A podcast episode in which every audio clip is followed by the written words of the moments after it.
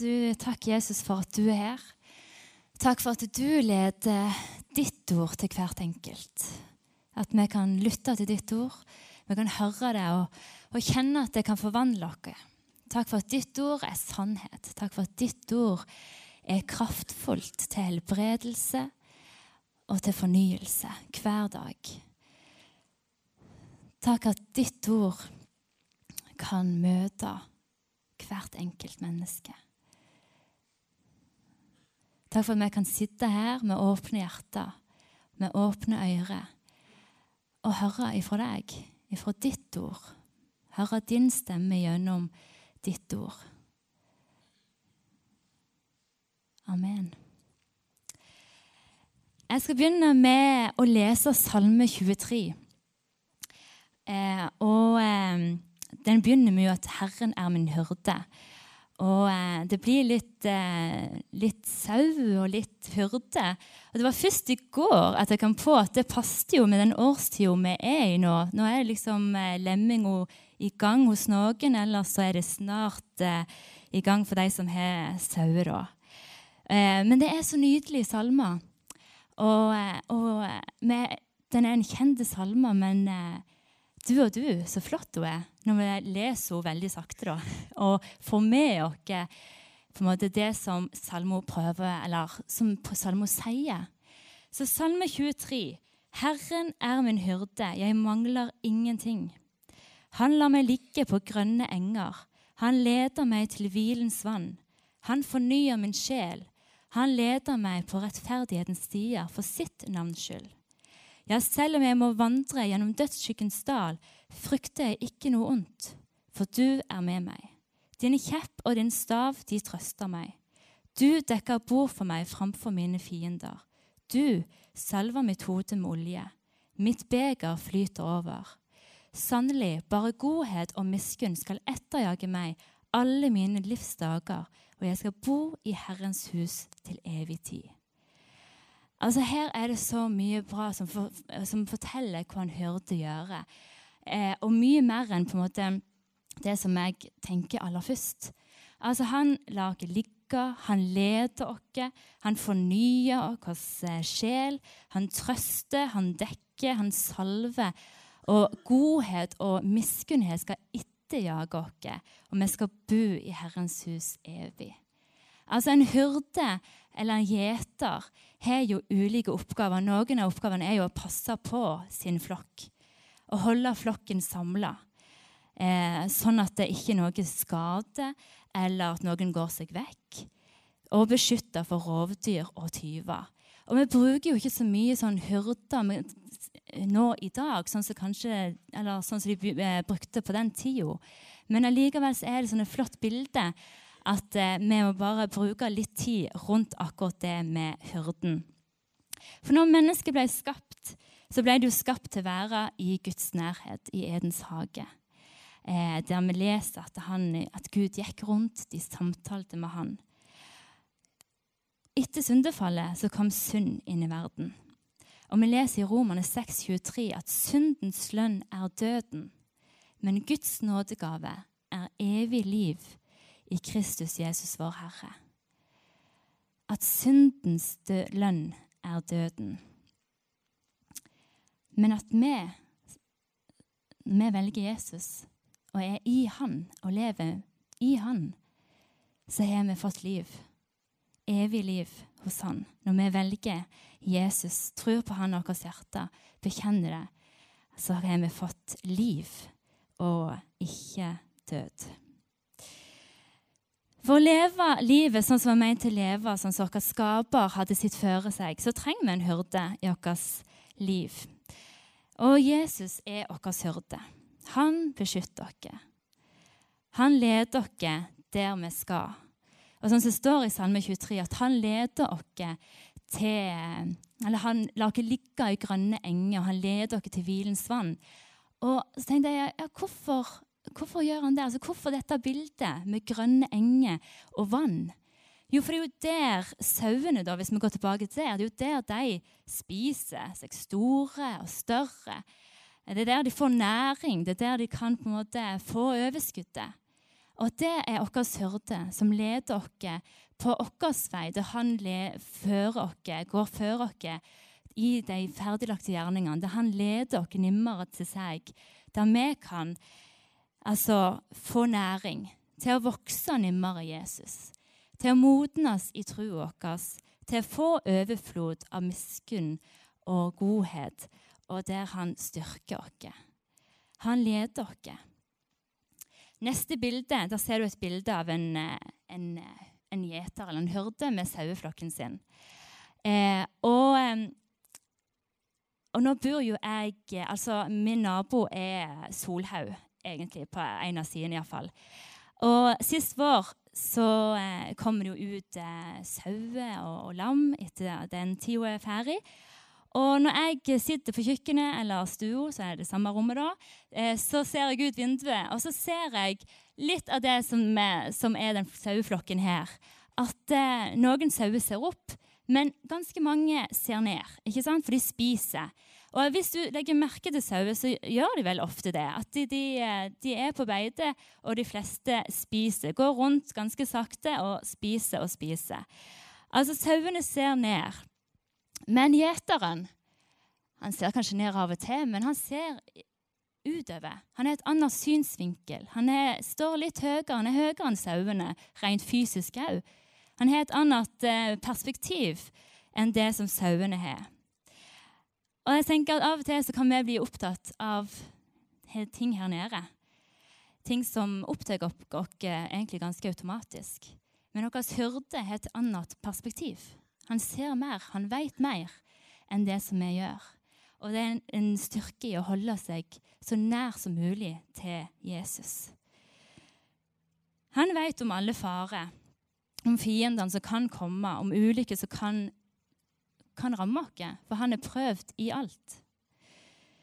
Sauene vet nok ikke alt som kan skje, og det vet ikke vi heller, men vår hyrde har blikk for alt og visdom om alt. Hyrden vår vet om konsekvenser, hva alt kan føre til. Og jeg har lyst til å lede dere på en annen vei, der konsekvensene blir, eh, ikke blir så store. Han vet hva som kan skade deres sinn, og han har lyst til å beskytte dere mot det. Og ikke minst hans hjerte for oss, der han ikke vil at noe skal ramme oss. Og når det rammer, at han kjemper der med oss. For han har omsorg for oss. Vi er hans. Vi er hans. Og han forlater oss aldri. Når jeg var ti år, så ble jeg tante for første gang, og det var jo enormt gøy. Eh, og jeg husker at når jeg skulle gå og passe, passe på eh, Da var det jo Pæl som var først. Skulle gå og passe på han, hadde han i vogn. Så var det sånn at eh, Her var huset. Så gikk jeg litt den veien. Ikke mer enn til brua der med Årstad. Eller ja, brua over til Årstad. Og så gikk jeg tilbake igjen. Så jeg er litt den andre veien. Og det må jo se veldig komisk ut eh, at jeg går liksom fram og tilbake. For jeg var liksom sånn, Hvis det noe skjer noe, hvis han begynner å grine, så måtte jeg være ganske sånn nimme, sånn at jeg bare kunne komme inn, eh, og, eh, og, at han kunne få trøst av foreldrene sine. Etter hvert så, så, fant jeg ut at jeg òg kan jo trøste han, så jeg gikk litt lenger. Men, eh, men, det som er når du passer på noen som er mindre, det er kanskje mest sånn tydelig, er jo at, eh, at du vet faktisk mer enn deg. Altså, Du vet at det ikke er så veldig bra hvis en liten unge står nimme i rikta, for da kan rikta komme i fleisen på han. Altså, Du vet mer du vet mer hva som er lurt og hva som ikke. Og ikke for at du liksom vil ha kontroll hele veien, men du vil beskytte. Du vil på en måte passe på at ikke det skjer noe. Og vår hyrde, Jesus, han vet mer enn oss. Han vil beskytte dere mot det som han ser i sitt annet synsvinkel, i sitt, det overblikket han har, så vil han beskytte dere. Ikke for å kontrollere dere eller å stå og, og sånn ja, for å ha kontroll, men for å beskytte oss mot fare som kan ramme oss. I Johannes 10 så står det både i vers 11 og 14 at 'jeg er den gode hyrde', sier Jesus. Og hvordan kjenner vi da vår hyrde? På den tida når han sa dette, så var han jo på jord og gikk rundt med disiplene og de folkene som hørte på han og var rundt han. Men hvordan kan vi kjenne vår hyrde i dag? Er det da vi har fått Den hellige ånd, som Jesus sendte ned etter han gikk eh, hjem til himmelen? Den hellige ånd. Og vi leser litt om Den hellige ånd i Johannes kapittel 16, vers 12 begynner jeg. Og der står det Jeg har ennå mye å si dere, men dere kan ikke bære det nå. Men når Han, sannhetens ånd, kommer, skal Han veilede dere til hele sannheten. For han skal ikke tale ut ifra seg selv, men det han hører, skal han tale. Og han skal forkynne dere de ting som skal komme. Han skal herliggjøre meg, for han skal ta av det som er mitt, og forkynne for dere. Alt det som min far har, er mitt. Derfor sa jeg at han skal ta av det som er mitt, og forkynne det for dere. Vår hjelper, Den hellige ånd, veileder oss til sannheten. Han herliggjør Jesus. Han taler ut ifra det som han hører. Det som er Jesus' ord, det som er Herrens ord. Og Den hellige ånd viser vei. Holder vårt fokus på hyrden, holder vårt fokus på Jesus. Og Vi skal se en liten filmklipp nå. Det er litt dårlig lyd som bare Dere må være klare med ørene, håper jeg, sånn at dere får med dere det. Vi spiller den, det klippet to ganger. Og så, ja Vær klar. Kom nå!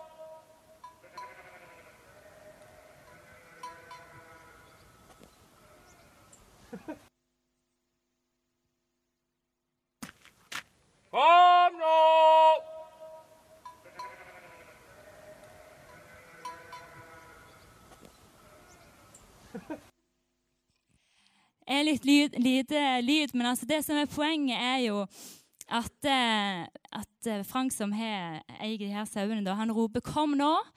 Og så rett etterpå så hører du mange sauer. Du hører litt bjelle, kanskje. Eller, ja, ja. Eh, men at de svarer han, breker og sier at 'her er jeg'. Og det, er det som er litt fascinerende, er jo at når hyrden, som, som de kjenner når han roper, så svarer de. Ikke sant? Og så kommer de der som de hører han, eh, han er. Eh, og hvorfor roper egentlig en, en hyrde da på sauene sine? Det er jo sikkert mange grunner, men det er jo for å få kontakt. For at sauene skal komme nimmere. Komme nimmere. Jeg så hvis dere den, Frank hadde ei bytte med seg. Sant? Det var noe å, å, få der. Mer næring. sant? Eh, han har lyst til å se hvem er det som er her. Har jeg med alle? Er det noen som har gått lenger vekk enn det som jeg ønsker? Er det noen jeg må gå på leid etter? Han vil ha kontakt. En hyrde vil ha kontakt med de som han er hyrde for. Kom nummeret. Kom nå. Kom nummeret. Og I Johannes 10 så leser vi videre eller ja, Vi har vært innom det før, at Jesus er den gode hyrde, som står i vers, nei, kapittel 10. Vi skal lese litt fra begynnelsen av det kapittelet. Sannelig, sannelig, sier jeg dere, den som ikke går inn i saueinnhengingen gjennom porten, men klatrer over et annet sted, han er en tyv og en røver. Men den som går inn gjennom porten, er sauens hyrde. For ham åpner portvokteren opp, og sauene hører hans røst. Og han kaller sine egne sauer med navn og leder dem ut. Når han fører sine egne sauer ut, går han foran dem. Sauene følger ham, for de kjenner røsten hans. Men en fremmed vil de slett ikke følge. De vil flykte fra ham, for de kjenner ikke røsten til den fremmede. Det er noen eh, punkt her som jeg vil stoppe opp med. og Det først er å høre hans stemme, altså høre hyrdens stemme. Hvordan gjør vi det i dag? Som oftest eh, så når vi leser Bibelen, så plutselig blir ordet levende. I den forstand at du plutselig forstår du det på en ny måte. Eller at du får på en måte en forklaring på det som du leser. og Plutselig på en måte går det opp et lys. Av og til så I tegneserier er det sånn lyspære over hodet. Av og til kjenner jeg det at ja, å, sånn er det sikkert meint. Ordet blir levende. Eller at kom en, det kommer en tanke eh, til deg som du bare tenker dette, ikke, dette har ikke jeg tenkt sjøl. Eh, så hører hans røst er kanskje ikke, er ikke fysisk. Eh, at du hører. Kanskje noen opplever det òg i løpet av livet. Men, men at det, ordet blir levende, en tanke kommer opp som minner deg på noe som, eh, som er fra Den hellige ånd.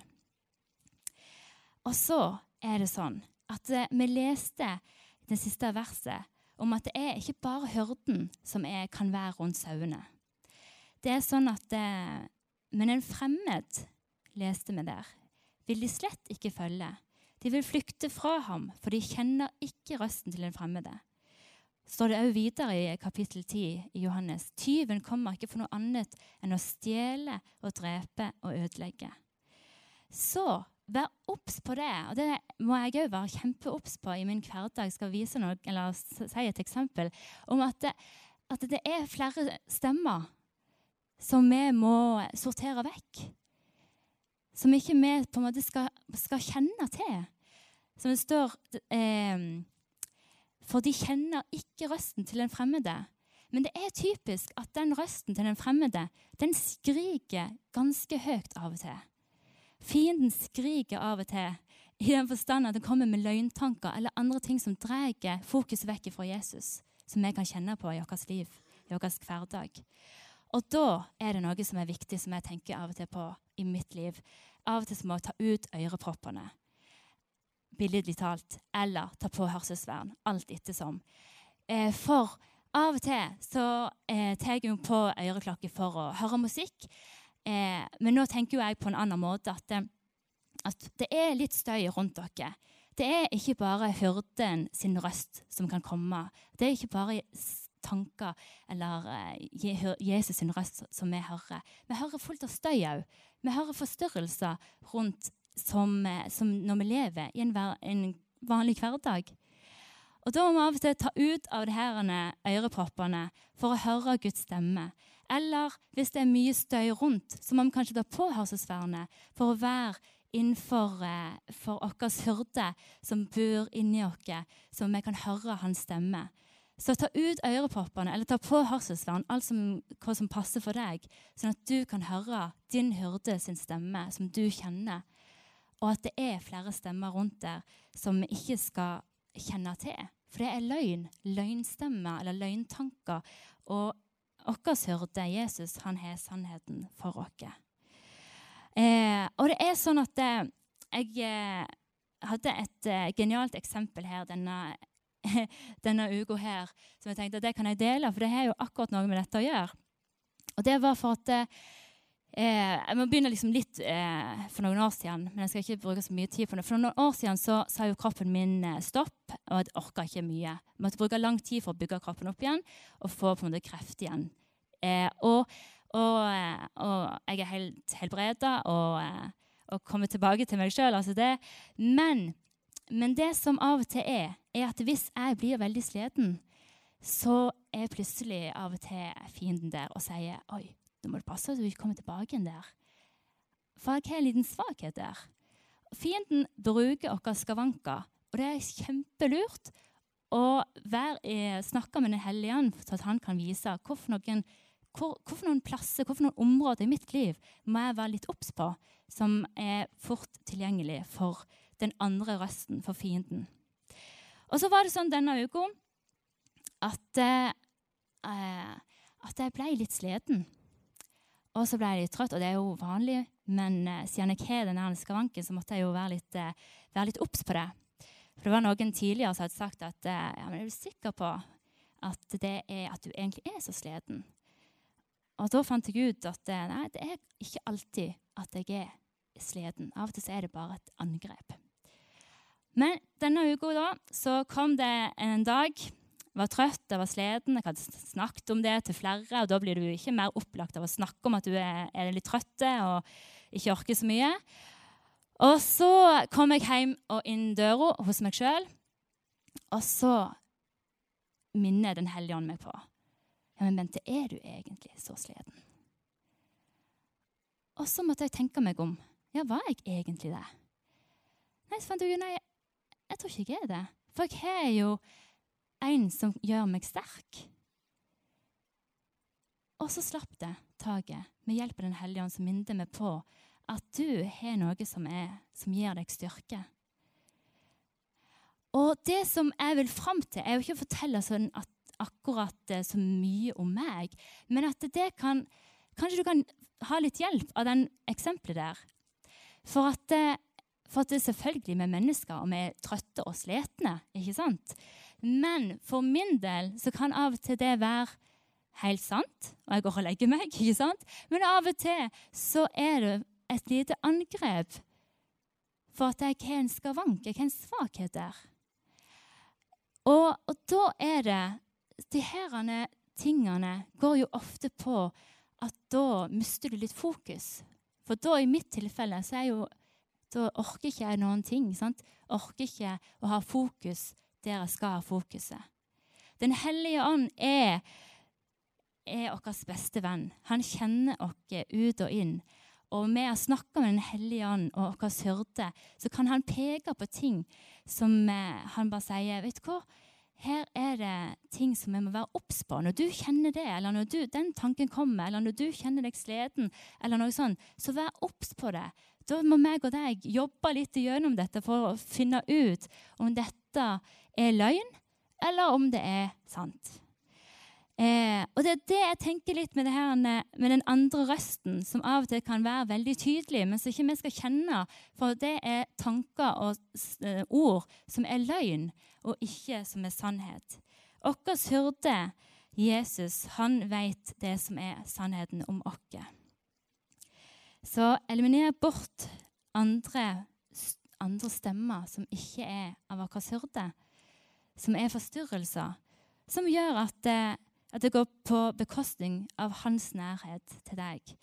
Eller å holde det, og, ja, det går på bekostning av hans fokus, vårt fokus til Jesus. Andre stemmer er der og kan forstyrre vårt fokus. Men vår hyrde vet om det og vil hjelpe, siden Den hellige ånd bor i oss og er vår hjelper kjenne hans røst. For vi skulle høre hans røst, og vi skulle kjenne hans røst. Og Da går vi til første kongebok, kapittel 19. Og Der møter vi Elia. Og i forkant av det som jeg skal lese, så har han vært på Karmelfjellet. Og der har,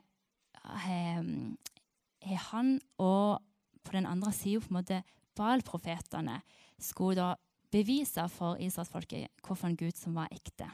Hvilken Gud som, som var Gud. Og da lagde de til alter, og så, skulle, så, står det her Da skal det være slik at den Gud som svarer med ild, han er Gud. Og Baal-profetene gjorde sitt for å prøve at hans, deres Gud skulle svare mild. Det gjorde han ikke. Og e- Eli, Elia han eh, ba til Gud, og Gud svarte med ild. Så var det dronning Jesabel som sendte beskjed til Elia at eh, du er i fare, vi vil drepe deg. Og Da møter vi altså Elia her i vers 4, kapittel 19. For etter han har fått den beskjeden at han er i livsfare, noen prøver å drepe han, så går han av sted. Så jeg får vers 4. Men selv dro han en dagsreise ut i ødemarken, og han kom ut dit og satte seg under en gyvelbusk. Han ba om at han måtte dø, og sa, Det er nok, ta nå mitt liv, Herre, for jeg er ikke bedre enn mine fedre. Mens han lå og sov under en juvelbusk, var det plutselig en engel som rørte ved ham og sa til ham, Stå opp og spis. Han så etter og se, der ved hodet hans lå det en kake stekt på varme steiner og en krukke med vann. Så spiste og drakk ham og la seg ned igjen. Herrens engel kom tilbake for andre gang, rørte ved ham og sa, Stå opp og spis, ellers blir reisen for lang for deg. Så sto han opp og spiste og drakk, og styrket ved denne maten gikk han i 40 dager og 40 netter helt til Guds fjell Horeb. Der gikk han inn i hulen og var på det stedet natten over. Og se, Herrens ord kom til ham, og han sa til ham, Hvorfor er du her, Elia? Da sa han, Jeg har vært, svært, jeg har vært meget nidskjær for Herren, herskarenes Gud.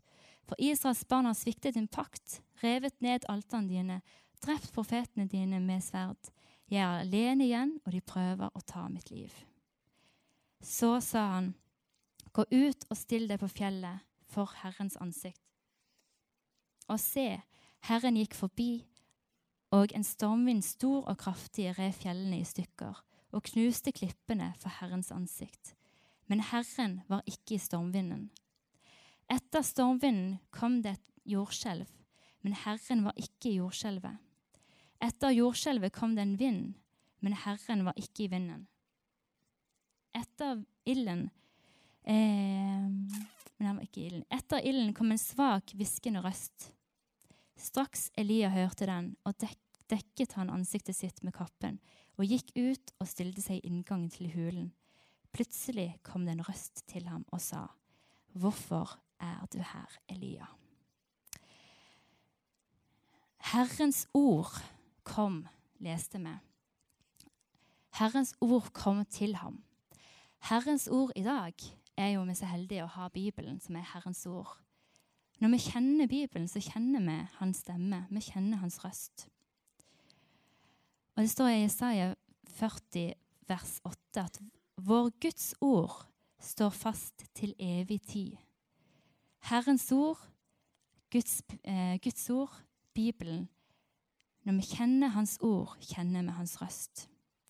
Så hvis vi ser denne historien om Elia i lys av Johannes 10, der, der vi leste at sauene hører hans røst, og han kaller sine egne sauer ved navn og leder dem ut, så ser dere at, det, at Gud kaller med navn. Hvorfor er du her, Elia? Han kjenner Elia personlig.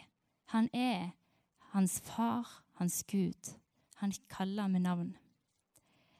Elia var jo der ute av eh, frykt. Han gjemte seg under en busk. Han hadde gått litt på egen hånd, men allikevel så fant Gud han. Gud fant han der han var, og kom ikke med noe fordømmelse, men for å komme en invitasjon, et spørsmål, til kontakt. Hvorfor er du her? For at Elias skulle høre han komme så nimme igjen at han hørte Guds stemme. Elias gikk litt på egen hånd, men Gud ledet han tilbake igjen. Ført tilbake til Guds nærhet og det kallet som han hadde for Elia. Så leser vi videre det at, at Gud gir han beskjed, eller han, Gud leder han videre til hva han skal gjøre. Og Elia er lydhør. Han kjenner hyrdens stemme og følger det som Gud sier. Og videre så sier Gud at han skal gå av sted og vende tilbake. Han skal salve en konge til Sy over Syria, en konge til Israel, og så skal han òg finne Eli, Elisha, som ble et stort redskap for Gud. Han fant Elia. Elia hørte hans stemme. Gud kalte ham med sitt navn, og han ledet han videre. For han fører sine egne sauer ut, går han foran dem. Sauene følger ham, for de kjenner røsten hans. Jesus har en plan for ditt liv. Han går føre. Han leder an der du skal gå i din hverdag. Vi har den gode hjelperen hellige ånd, som er i oss, som herliggjør Jesus, som minner oss på det som Jesus har sagt, som er hans ord, sånn at vi skal kjenne hans stemme og hans ord. Sånn at vi kjenner igjen når den tanken kommer, eller når ordet blir levende. Og så leder han. Og det som skjer når vi går ut og går etter Jesus, er jo at større ting skjer. Da møtte jo Elia Elisha, som gjorde sine under og tegn i historien videre. Og Der Jesus leder oss, der er det ofte andre mennesker som vi kan være et lys for. Som vi kan peke på Jesus for dem. Når han fører sine egne sauer ut, går han foran dem. Mine sauer hører min røst, og jeg kjenner dem, og de følger meg. Kjenn hans røst. Når vi kjenner hans røst, så blir hans røst den mest tydelige. Og de andre stemmene får mindre På en måte kan vi skru litt volumet ned på. For vi vet at 'nei, den stemmen skal jeg kjøre på'. De tankene er ikke min hyrdes tanke. Det er min hyrde som passer på meg. Det er min hyrde som vet sannheten om meg. Det er min hyrde som, eh, som beskytter meg, og som leder meg der det er best for meg å være, og der det er best for meg å gå. Til de grønne engene, til Kvilens vann. Og så har vi jo en dal, som vi også leser om i Salmene 23, at om vi skulle gå i dødsskyggens dal Når du er i en dal, så må du alltid opp. Det kan være tungt, bli andpusten, det kan bli et sled. Men at han går med. For det er det som er med vår hyrde, at han er der. Alltid. Så kom nå, sånn som du hørte på filmen. Kom nå, for hyrden ser alltid etter deg. Vil alltid være med deg og vil si deg noen gode ord til oppmuntring. Lede deg videre, sånn at du kan være på dine grønne enger og finne hvilens vann. Jesus, takk for at vi kan følge ditt ord. Takk at vi kan høre din stemme. At du sender tanker, at du sender ord som blir levende. Takk for at vi kan kjenne ditt ord, og at det ordet som vi leser i Bibelen, gjelder oss i dag. Gjelder oss, er løfter som vi kan klynge oss til, er sannheter som gjelder oss. Takk for at din stemme kan bli tydeligere og tydeligere i vårt liv. At din stemme er den som vi kjenner, og at andre stemmer som sier andre ting enn det som ditt ord sier, kan vi skru ned volumet på.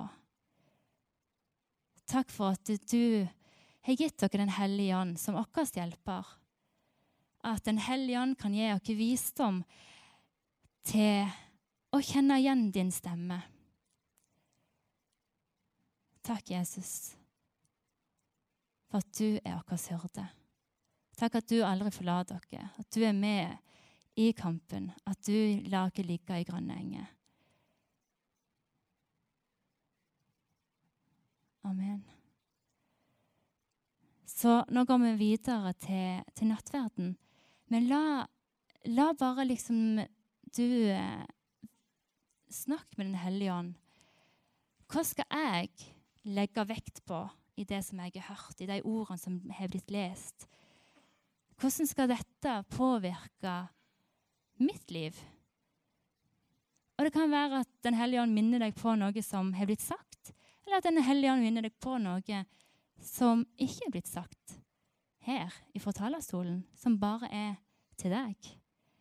Så la det nattverden bli et møte med din hyrde, der han sier, 'Kom nå fram til måltid. Kom nærmere meg. Hør min røst. Jeg er din hyrde.'